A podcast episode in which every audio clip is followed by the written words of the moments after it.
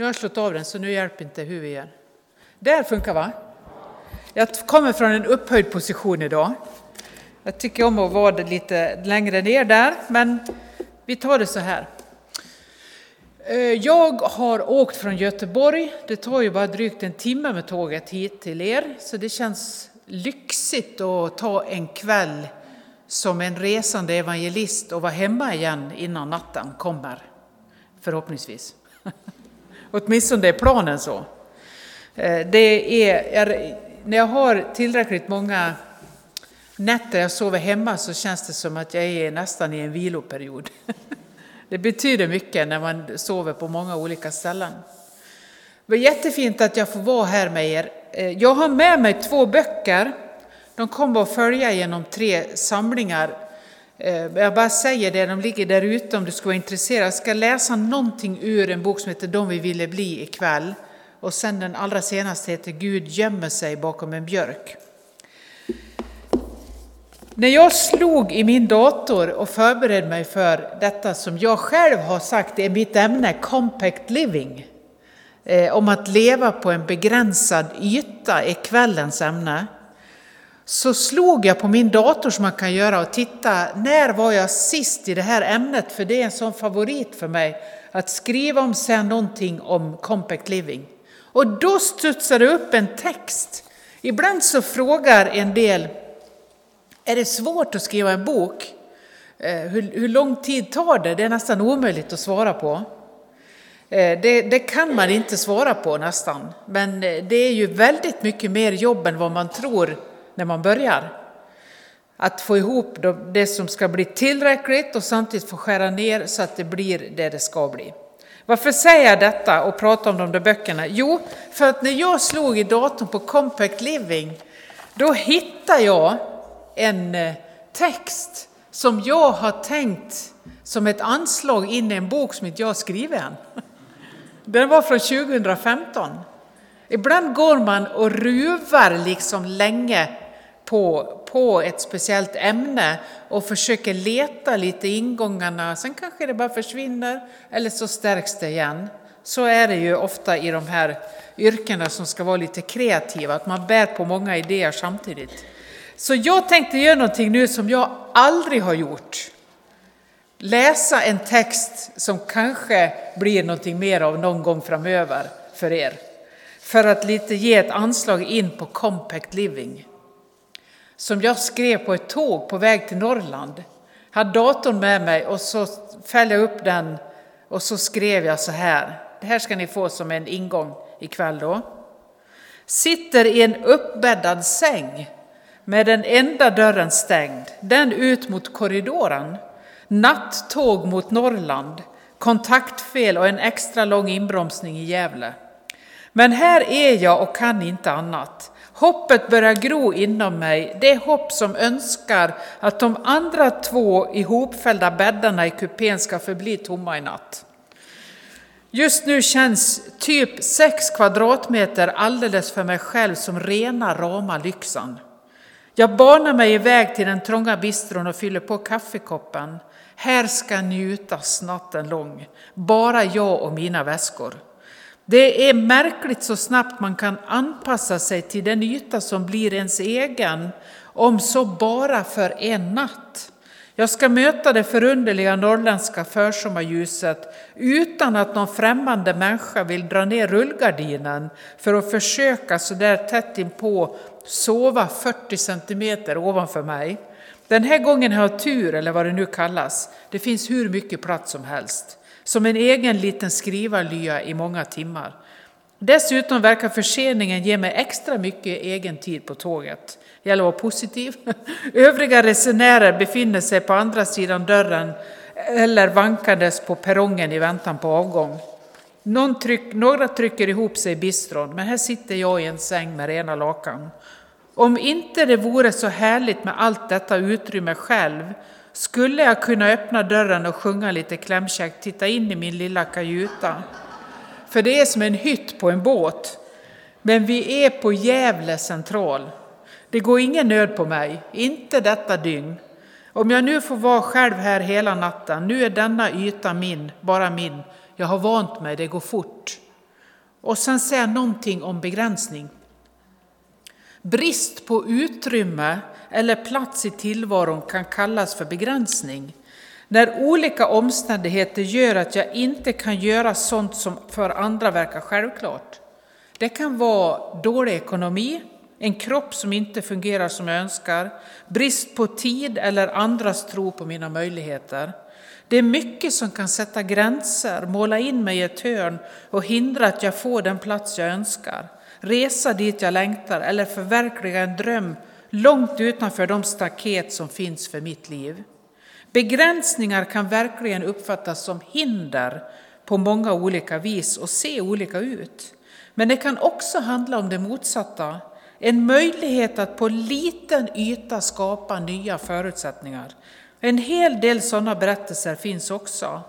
Människor som av olika anledningar får sina liv beskurna och efter en tid hittar nya vägar och andra möjligheter till livskvalitet och ibland till prestationer som verkar omöjliga. Det ser ut att finnas en kontaktyta för hoppet där marginalerna kan tyckas små. I ett begränsat livsutrymme kan andra möjligheter uppstå och en del förutsättningar komma just genom begränsningen. Ett nytt hopp, en annan väg, en ny utmaning, ett liv som hittar mening. Men det svåra är att det verkar komma ur en situation som inte är självvald utan påtvingad. Inte sällan verkar det ändå, trots så svåra omständigheter, bli minst lika bra, kanske till och med bättre. Och de, det, det sista där, jag tänker mest på hur många rum vi egentligen behöver, vad som känns nödvändigt. Favoritrummen, mötesplatserna, den sköna soffan. Inte de rum som skapas i reklamen och då allting handlar om dukade bord, massa vänner och fantastisk mat. Nej, men de rum vi i verkliga livet oftast finns i.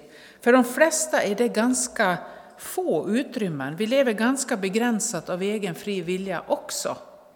Vi går liksom genom, mellan sovrum och kök och soffa och så har vi kanske en större familj genom några rum till. Men det är några favoritrum där vi ofta är, eller hur? Det är ju så. Och så har jag faktiskt gjort då det man kallar för en synops. Det här var 2015. Det är sju år sedan. Där jag har skrivit så här, om ni kommer att känna igen detta någon gång i framtiden, ingen aning.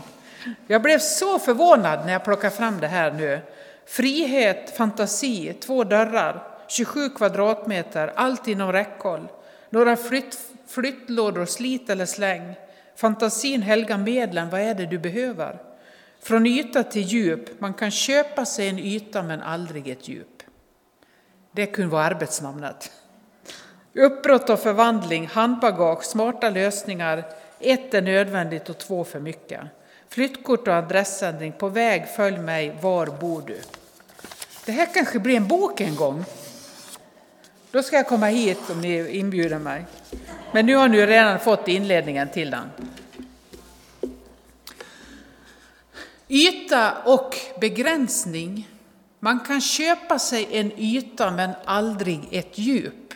Detta sa någon en gång i en radiointervju.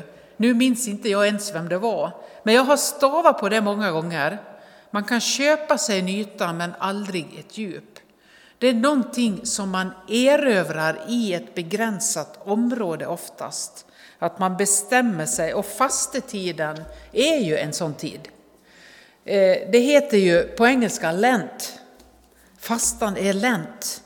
Eh, jag fick en skiva från några goda vänner som bor i Dala-Järna som har spelat in i, i kyrkan i Dala-Järna eh, sång och musik i fastetid. Och den hette Lent. Och jag trodde väldigt länge att den hette Lent. Jag tycker det är lite samma, egentligen samma innebörd.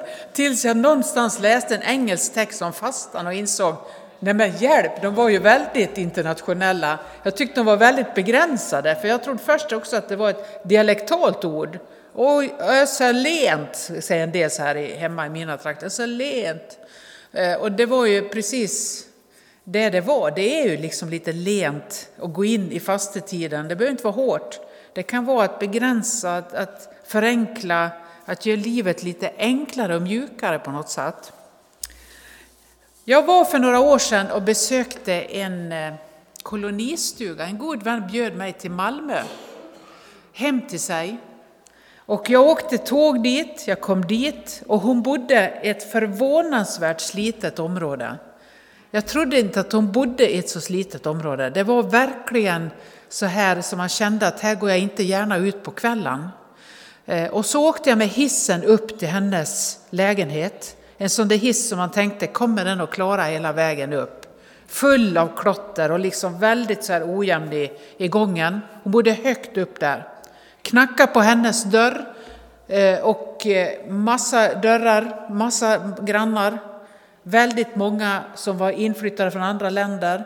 Detta är, ganska många år sedan och jag, var liksom så här lite förundrad över hennes miljö och så beundrade jag det lite. Att hon valde att bo där. Hon jobbar som präst och att hon valde att bo där. När hon öppnade dörren så sa hon direkt, nej, nej, ta inte av dig, vi ska gå vidare härifrån. Och så hade hon en kaffekorg i handen. Och så åkte vi ner för den där hissen igen, uh, så här lite skrangligt, klev ut och så gick vi en, under en viadukt. E6 låg precis där, bara full trafik så här. Jag tänkte, vart ska vi? Ja, det är jättenära, sa hon. Vi ska gå till min kolonilott. Och så gick hon under den och så gick vi kanske hundra meter till. Och så var det en grind där. Så öppnade hon grinden och så gick vi in. Och det var precis som att gå från svartvit till färg när vi klev in innanför grinden till kolonistugeområdet. Och så hejade hon på flera av grannarna där. Och så gick vi några sådana där stugor bort, de är ju inte många kvadratmeter. Och gick mellan små krattade gångar så här. Och så kom vi till hennes stuga, tog ut några fällstolar, satt oss i trädgården där. Någon gick förbi, någon höll på att plantera. Fåglarna sjöng. Svagt hörde jag fortfarande E6 där borta, intensiv trafik. Och så drack vi kaffe där. Och så säger hon, detta är mitt himmelrike. Jag älskar min kolonistuga och den är ju bara alltså fem minuter ifrån, eller tio minuter från mitt boende. Och jag går hit så ofta jag kan. Och så hade hon massa kontakt med grannarna där. Så satt vi där väldigt länge i denna idyllen och samtalade med varandra och insåg att det var en ganska begränsad liten yta. Men för henne var det himmelriket. Och så när vi går därifrån så hejdar hon sig precis när vi ska gå. Och så stannar hon vid sitt, sina planteringar. Och så drar hon upp ett knippe med morötter. Så slår hon liksom av jorden lite på dem där, håller den i handen med blasten kvar. Och så går vi under viadukten, in i hissen, upp några våningar. Och så ringer hon på grannens dörr. Och så när de öppnar så räcker hon över ett knippe morötter. Jag tänkte det här är evangelisation. Det här är omsorgen om min nästa. Och för mig blev det en så stark bild av att jag hämtar ur min egen inre rikedom det bästa jag behöver och vet det här är mitt himmelrike. Och ur det kommer nästan automatiskt behovet av att dela detta med den som inte har det.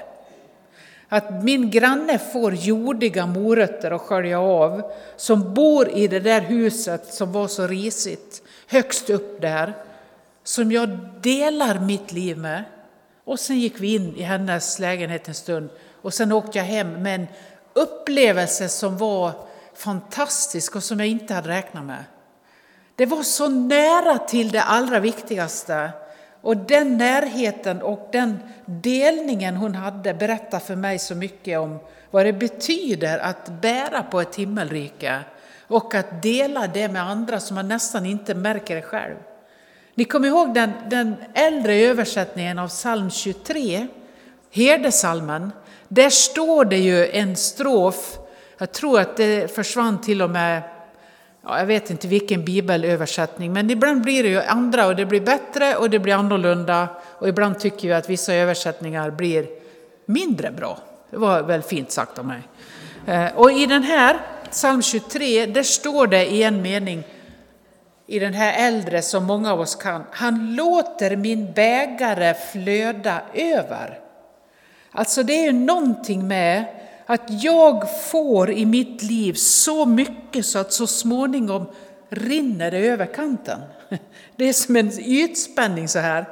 Att jag fylls och fylls av det och så småningom så brister det och så delar jag det med andra. Ett knippe morötter. Jag gör det liksom till slut automatiskt, att jag ger av det jag själv har, inte av det jag inte har, utan av det jag har. Och hur hittar man in, på, in i det där som vi kallar för Guds rike? Hur, hur når vi dit? Jag ska läsa för dig då först ett sammanhang ur Lukas 17 kapitel, där det står det här om Guds rike. Det är lite fascinerande för den här texten, Lukas 17 från vers 20, den är insprängd emellan ett fysiskt helande, ett under, och talet om den sista tiden. Där vi någonstans i fastan påminns om Jesu väg till Jerusalem och vart han är på väg för vår skull och att vi någonstans tänker hur länge ska allt detta pågå som vi ser i vår värld? Vad är det som kommer att hända? Det är, det är någon sorts oro i den berättelsen. Också beroende på vilka erfarenheter du och jag har. Vi kanske har hört sådana predikningar som gör att man har hukat i bänkarna inför talet om tidens slut. Eller så har man med sig en god undervisning som gör att man tänker hur den blir så blir det alltid bättre. Jag vet inte, man har med sig olika. Men mellan de två, undret där tio spetälska blir helade i mötet med Jesus och en vänder tillbaka för att tacka. Det är ju en väldigt fantastisk berättelse i Lukas 17 om de tio. Alla tio blir friska. De kommer långt utifrån, de är isolerade från andra, kommer fram till mötet med Jesus och alla tio kommer tillbaka in i sitt sociala sammanhang och ger sig tillbaka in i det snabbt. Lyckan över att vara helad. En vänder tillbaka för att tacka Jesus. Och så står det ju om honom som också är sådär lite häpnadsväckande. För han frågar, var, det bara du som, är det bara du som kommer och ger Gud ära? Är det bara den här främlingen som har vänt tillbaka? Och så sen stig upp och, och, och din tro har hjälpt dig. Och det står ju också om honom att han var ju en av dem som verkligen var utstötta ur sammanhanget där. Det är liksom den berättelsen. Den står där och här står talet om tidens slut. Mitt emellan dem så står den här, Lukas 17, vers 20, jag läser det. Tillfrågad av fariseerna om när Guds rike skulle komma så svarar Jesus Guds rike kommer inte på ett sådant sätt att man kan se det med sina ögon. Ingen kan säga här är det eller där är det. Nej, Guds rike är inom er. Guds rike är inom er. Den här berättelsen ligger mitt emellan, vadå? Redan nu. Gud griper in i tillvaron här och nu. Vi vill att det ska ske oftare, men Gud griper in. Och ännu inte det vi väntar på. Mellan det som redan är och det vi väntar på så bär du och jag omkring på Guds rike. Vi bär en kolonistuga här inne, hör och häpna. Hur den ser ut runt omkring, du bär på det himmelriket här inne. Och då är ju det, kan man verkligen tänka, en ganska begränsad yta. Det är inte en stor yta, men det är en inre trädgård där du kan hämta den näring du behöver. Det är därför vi är här en sån här kväll.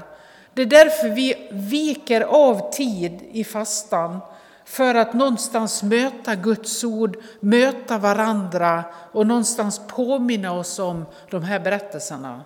Du bär det riket inom dig, insprängt i ditt liv, redan nu men ännu inte. Den inre trädgården den kan faktiskt också skrämma en del.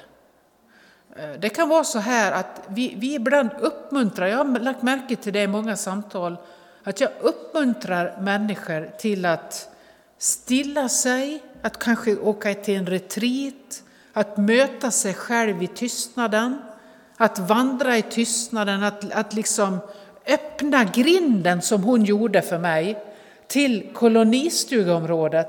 Att öppna den här inre grinden och så släppa in det och gå in i det som är här inne. Så kan vi ha varit med om erfarenheter som gör att man känner, nej det vill jag inte. Och då kan man istället jobba på. Liksom. Jag är duktig istället, jag gör det jag ska, men jag, jag möter aldrig riktigt mig själv. Fastetiden är ju en sån berättelse om att stanna upp inför det som finns här inne och våga lita på att här finns saker som är planterade som ett frö i ditt liv.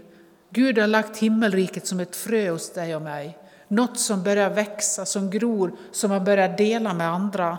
Men det kan ibland behöva ses över på olika sätt.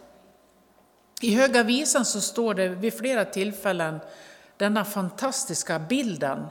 Fånga de små rävarna, vingårdens förstörare. Alltså, vad är det som slinker in i vår inre trädgård runt det där staketet som man ibland kan tänka då? Där det finns en grind och så ett staket runt. Så tänker du att du har en inre inringad trädgård. Och så, vad är det, de små rävarna? Ja, på den tiden så var det ju, de små rävarna slank in där det fanns hål i vingårdarna och så tog de det som var precis på väg att börja växa. De tog av knoppar, de tog av det som var skört. Liksom. Eh, och då står det i Höga Visan, fånga de små rävarna, vingårdens förstörare. Vilka är de små rävarna i våra liv? Vilka är de som har slunkit in i den inre trädgården och vilken väg kom de in?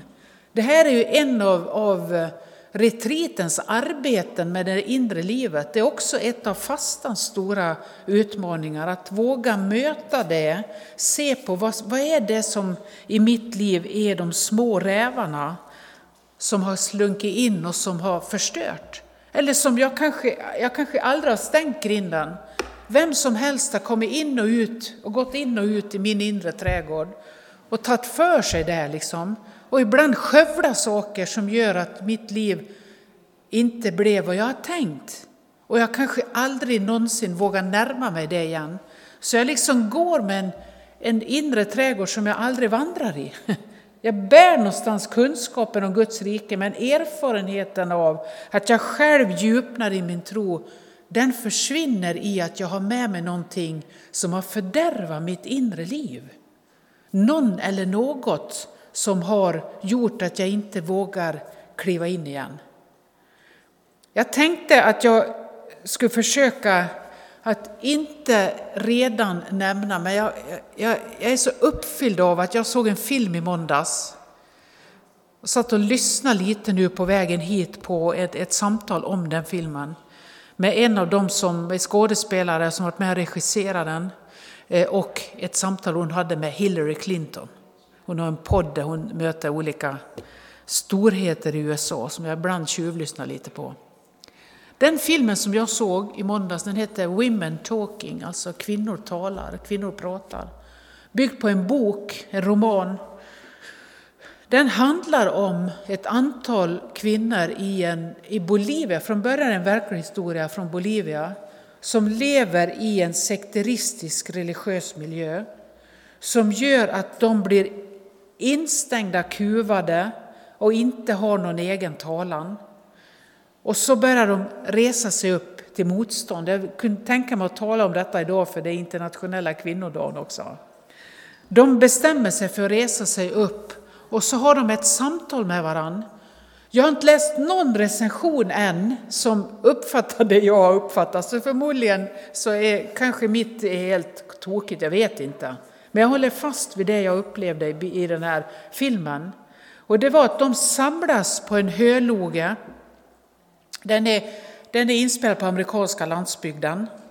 De samlas på en höloge, de här kvinnorna, och så börjar de samtala med varandra utifrån att de är totalt kuvade. De kan varken läsa eller skriva.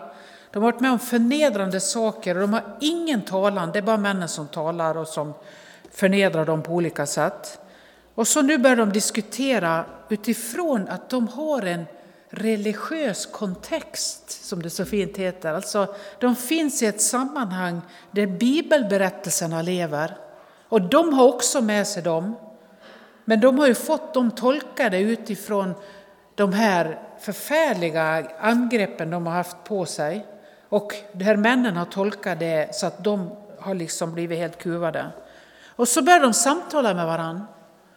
Och då har de tre vägar, och det var det här jag satt och lyssnade på, som handlar om detta med den inre trädgården, att förvalta sin inre trädgård tycker jag. Att våga tro att jag bär på ett himmelrike, vem jag än är. Det är så här, det, det var tre vägar. Den första var att stanna kvar och hålla tyst om det man är med om. Att känna någonstans, och då kan vi genast dra det till nutid, att pröva sitt liv ständigt och sitt sammanhang och tänka, bär detta? Är jag hemma i detta? Är det någonting i mig som signalerar det här är inte bra? Och så pröva det, men oftast så stannar vi kvar och så är vi tysta. Vi kanske aldrig riktigt vågar. Det var ju liksom deras kontext. Ett, ska vi stanna kvar och bara hålla tyst? Generation efter generation, inte våga förändring, de bara skulle stanna kvar. Då hade, de kunde ju varken läsa eller skriva, så de hade teckningar så här, de fick rösta demokratiskt, vilket de ville. Första teckningen då var, betydde stanna kvar. Andra teckningen, den andra vägen att gå, det var stanna kvar och slåss. Alltså resa sig upp emot de här männen som hade misshandlat dem så förfärligt. Vågar vi det? Ska vi det? Är det den teologi vi har lärt oss som till och med skulle kunna handla om att man mördar? Nej.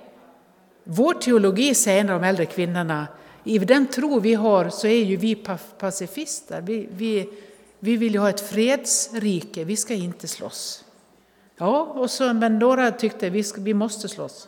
Den tredje vägen var att resa sig upp och lämna. Att tillsammans gemensamt göra det. Och så samtalar de med varann. De bollar de här bibelberättelserna mellan varann.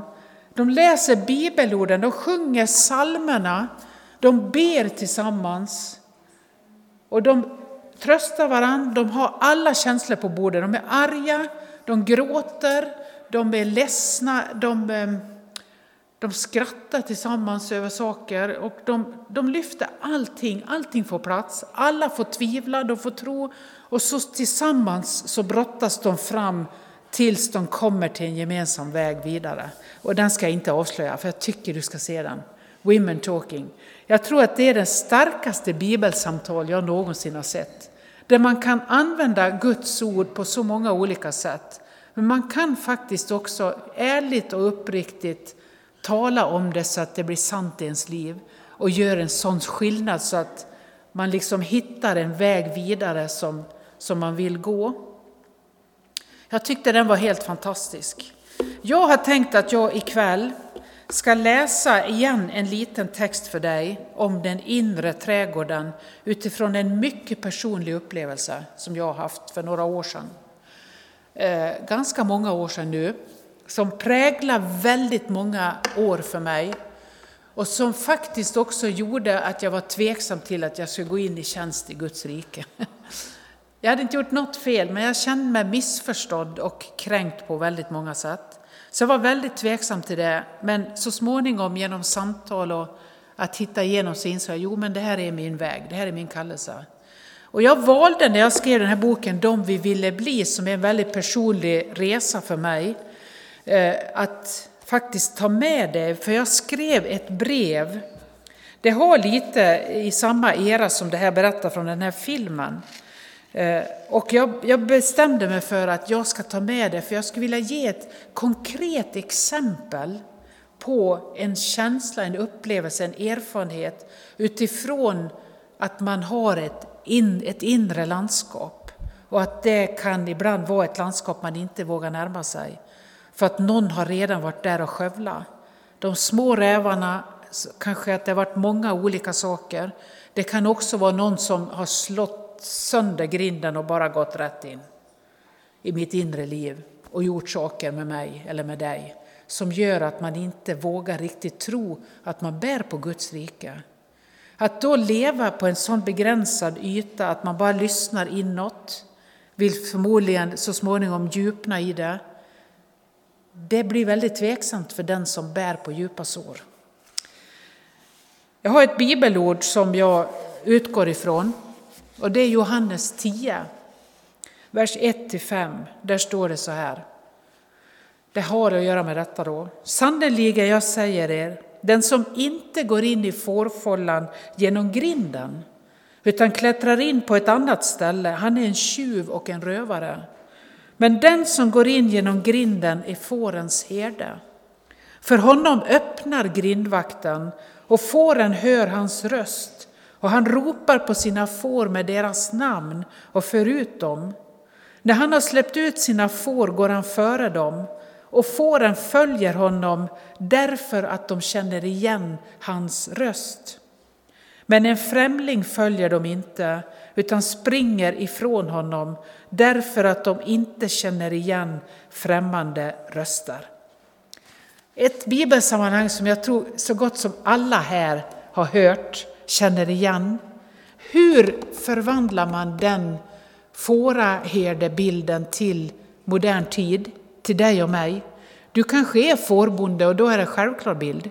Men kanske som jag som bor mitt i stan eller, eller vi lever helt andra liv. Vad betyder en sån berättelse i våra liv? För mig är det en väldigt viktig bild i det som vi kallar och som vi kommer att behöva mer och mer i kyrkan och som i fastetiden är väldigt viktigt att lyfta och det är andlig urskiljning. Att lära sig att känna igen rösten bland många röster. Vilken röst är det som jag lyssnar efter? Vad är det jag vågar gå på och när känner jag inte igen den? För ibland kan orden vara exakt lika men rösten är inte den jag känner igen. Vad är det som gör den skillnaden i våra liv? När hör vi rösten och vågar gå? Och när är det något annat? Det kom en röst. Då skrev jag ett brev efter att jag eh, kände mig djupt eh, kränkt av en människa och ifrågasatt. Och så gjorde jag den här hemligheten, det här är en bra hemlighet. Vänta ett dygn med att skicka dina arga mejl. Sov på saken, det är väldigt klokt. Ibland skickar vi någonting i vredesmod eller affekt och så dagen efter känner vi bara, oh, kunna nyansera det lite kanske. Det är alltid bra att sova på saken. Vissa mejl kommer aldrig iväg eller brev för man sover på det. Andra kanske man har nyanserat lite eller så upptäcker man det är så här, jag måste meddela detta. Jag skrev ett brev som aldrig kom iväg. Men så småningom blev det allmänt i den här boken så man kan säga att det kom iväg i några tusen ex. Ja. Så här skrev jag. Du måste stanna utanför grinden. Jag har låst och nyckeln är på insidan. Idag finns ingen annan väg in till mig. Kryphålen är tilltäppta, lagade och återställda.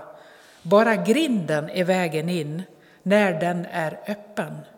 Men inte nu, inte när som helst. Bara när jag vill och kan. Dessutom finns en bro innanför grinden. Ingen kom över bron, inte på många år efter det stora sveket, intrånget och den söndertrampade trädgården. Ingen. Men kanske du kan gå över den bron snart. Det är ödets ironi att just du vill in. Du slank en gång in på de mest raffinerade sätt, genom hål jag inte visste fanns, hål in till mitt inre landskap, en trädgård som då ännu inte blivit så trampad av grova skor och tvärsäker tro. Hur kom du in där? Jo, i ett hål av övergivenhet, en, i en öppning som ensamheten gjort. Din maktfullkomlighet sprängde bort torftiga brädlappar jag satt över trasiga ingångar i brist på annat. Jag kunde inte skydda mig. Hålet blev så stort att alla maktens följeslagare kom efter. De som går under namn som förakt, nedvärdering, kontroll och inte minst den svarta hotande blick som tog kål på alla mina berättelser. Alla vek undan och jag stod sen själv kvar i ett söndertrampat landskap, min inre trädgård. Alldeles ensam. Fick inte berätta, tala om vad du gjort, bara tiga, förlåta. Någonting brast inuti mig den natten. Efter det stora räfst och rättartinget jag fick stå inför för att förklara och försöka förstå vad som hände i mig och runt mig. Det bara brast. Efter en ångestfylld natt stod jag i en varm strilande dusch och hörde ett vrål. Det var mitt eget. Nästan förvånad hörde jag min egen ångest komma ut och en gråt som satt djupt, djupt i mig. Det lossnade. Kanske den viktigaste gråt jag någonsin släppt fram. Och nu står du där utanför grinden. Åren har passerat, men inuti mig finns någonting kvar i trädgården. Det är en komposthög av, de skövlade, så av det skövlade som verkade obrukbart. Jag är försiktig med grinden, vakar över staketet, är medveten om det som går sönder och lagar ömsint hål.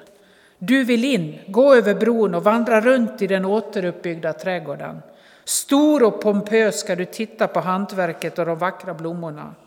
Det var din dynga som la grunden, genomsyrade och gav näring till växtligheten. En kompost av djävulskap kan omvandlas till näringsrik jord. Livet är märkligt och fantastiskt. Ja, men kom, välkommen in, här är grinden. Vänta lite så ska jag öppna. Handtaget är på insidan förstår du. Ja, visst har jag fått till det. En vacker bro och ett rofyllt område har det allt blivit. Samtalet far runt i ytliga virvlar och krumbuktar sig runt blomsterarrangemangen och den stadiga bron. Jag tänker att ditt eget bidrag var själva förutsättningen här. Men det kommer du aldrig få veta. Det går över ditt förstånd. Vi ska aldrig tala om det som hänt. Övergreppet på en ung själ som ville gå Guds väg. Din helvetiska ilska och svarta blick, anklagelserna som slungades ut och förintade min tillit. Det ska vi inte tala om, men det blev en fantastisk kompost. Vem kunde tro det? Inte jag i alla fall, men så är det. Idag njuter jag av min inre trädgård. Den är vackrare än någonsin. Du är en tillfällig besökare som äntligen släpps in en stund. Den rätta vägen, där maktfullkomligheten inte kommer in. Genom grinden, över bron och snart samma väg ut igen. Jag visar vägen ut. Du lomar trött och ihopsjunken iväg, oskadliggjord av godhet och längtan efter sanning och liv. Nu är det fler som väntar som ska komma in. Jag öppnar på vid gavel och välkomnar livet, vännerna, kärleken och hoppet. Detta är en process som inte är så lättvindig, men det handlar om att se över sitt inre landskap. Att våga tro att jag i alla tider i livet har möjlighet att möta någon i samtal, att möta Gud i bönen, att dela det som både har varit gott och det som har gjort ont. Och veta någonstans att det som sker är att jag, jag rensar på en begränsad yta. Jag skapar möjligheter tillsammans med Gud i ett inre liv som bara, tror jag, en begränsad väg kan ge. När man inte brer ut sig åt alla håll utan vågar djupna i att se vad finns i mitt inre liv. Vad är det att söka sig djupt in där? Och vilka har varit före där? Är det någonting eller några saker som jag har med mig som har liksom förstört vissa områden där inne och som jag inte vågar närma mig igen? Vet, snart kommer ju den här tiden när vi börjar bränna gräs. Eh, och vi liksom luntar som det heter. Och då är det ju bara svart och sotigt ganska länge. Doftar på ett speciellt sätt. Så småningom så kommer ju grönskan där. Det är ständiga berättelser i skapelsen om att ett nytt liv alltid kommer där man tänker här är ingenting. Det kommer ofta ett nytt liv där. Ibland behöver man rensa och se, det är fastans tid på något sätt. Att våga närma sig det som är din inre, om jag får kalla det något så enkelt som din inre kolonistuga. Den här tiden på året så längtar jag alltid efter, åh jag borde ha en kolonistuga. Jag borde ha ett sånt ställe, nära någonstans i Göteborg, men det blir aldrig. Jag har insett nu att jag, jag får gå och dricka kaffe i andra vänners små plättar istället. eller ute på någon ö. Det finns många som har sina stugor ute på södra skärgården och så. Jag, jag försöker ta vara på det. Men jag vet att jag bär ett inre landskap och jag vet att det har varit ganska sargat och att jag har fått jobba med det och att Gud har välsignat det. Hur ser det där begränsade utrymmet ut i ditt liv? Du kan bli överraskad när du ber, men det jag skulle vilja dela med dig till sist ikväll, det är att det är aldrig för sent och det finns alltid möjligheter att plötsligt upptäcka en ny doftande blomma där man minst anar det, när man börjar vandra inåt. Så våga möta det. Kanske jag får skicka med dig en liten sån där, jag ska inte säga hemuppgift, för det låter så tråkigt, men en liten utmaning om du vill, att du sätter dig i stillhet någon gång, bara stilla, och så tar du och liksom i din tanke öppnar grinden till ditt inre och tänker så här, vad är det jag behöver? Hur ser det ut i mitt inre liv? Vilka erfarenheter har jag som är goda och vilka har jag som inte var så bra? Det är början till att skapa någonting nytt där inne. Att man bara uttalar det för sig själv, skriver ner det och börjar tänka, vad är det? Då har man börjat den processen. Då behöver man kanske inte mer än sex kvadratmeter som en sovplats på ett tåg tror jag, jag kan inte vara mer. Det är väldigt trångt. Jag har nyss åkt till Norrland och det var lika illa. Sist jag åkte, då åkte jag, skulle jag vara lite snäll mot den här församlingen jag skulle till, så jag tog en liggvagn istället för sovvagn. Det är lite billigare. Sex personer. Så vi kom på tåget i Göteborg. Så började alla lite förvirrat med stora ryggsäckar och skidor. En del skulle till Åre och jag skulle upp till Luleå. Så de skulle liksom gå av någonstans i Umeå allihop och byta tåg. Alla gick lite förvirrat sådär. Titta och så gick det ju som inte man gått en väg i korridoren på de här gamla tågen så kan man inte vända när man möter en Goliat med ryggsäck och skidor och sådana här, ja ni vet hela paketet. Det går inte, utan man får bara fortsätta liksom. Tills vi insåg allihop, de har satt på fel vagn. Det finns ingen liggvagn på det här tåget, inga nummer stämmer. Det blev en sovkupé, mixad. Väldigt trevligt hade vi på kvällen där. Vi bestämde oss för att vara goda människor och inte, inte anfalla den stackars tågvärden som inte kunde hjälpa detta. Utan vi hade bra, men det var många som fick sitta sig genom natten. Så kan det också vara.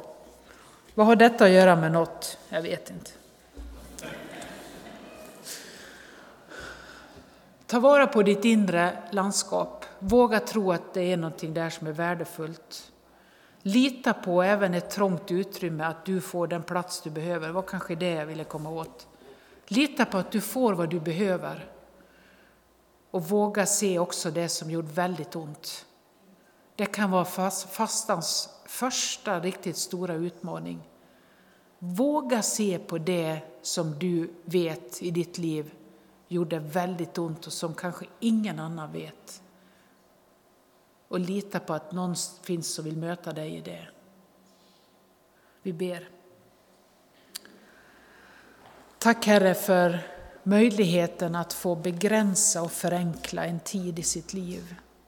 Få titta lite mer in i det som är våra egna liv. Att inte alltid tänka vad kan detta betyda för någon annan utan vad händer nu i mitt liv, i min, min ålder, i min vandring, i de vägskäl jag står inför. Tack att du är här. Du vet vilka vi är, vad vi behöver. Rör vid våra liv den här kvällen. Och särskilt ber jag att du ska överraska någon som tror att det där landskapet är för trångt eller inget att ha. Överraska, Herre, med din närvaro på ett påtagligt sätt. En doft av ditt rike. Amen.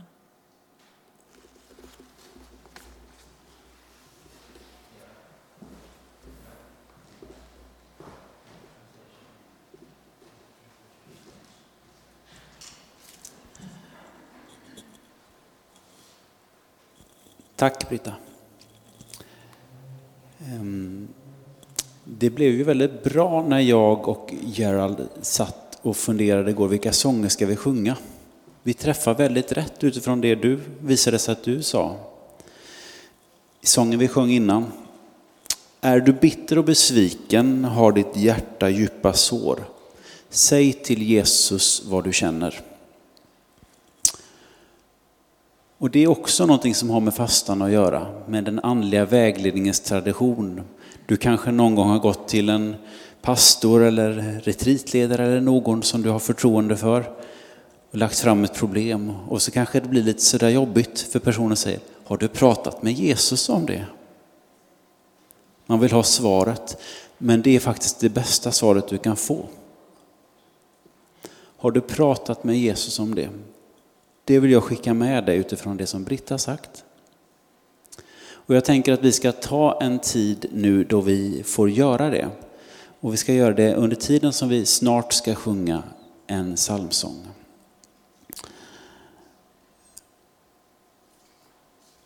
Men sen så satt jag också under tiden som Britta talade och tänkte, gode Gud, är det någonting du vill att jag ska förmedla som en inbjudan till möjlighet till att få ett samtal eller förbön med Britta eller mig när samlingen sen är slut.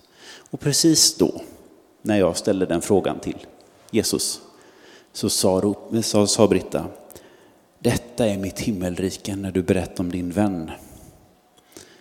Och så var det som att jag fick en tanke, att det kanske finns någon som sitter här. Du har inte himmelriket.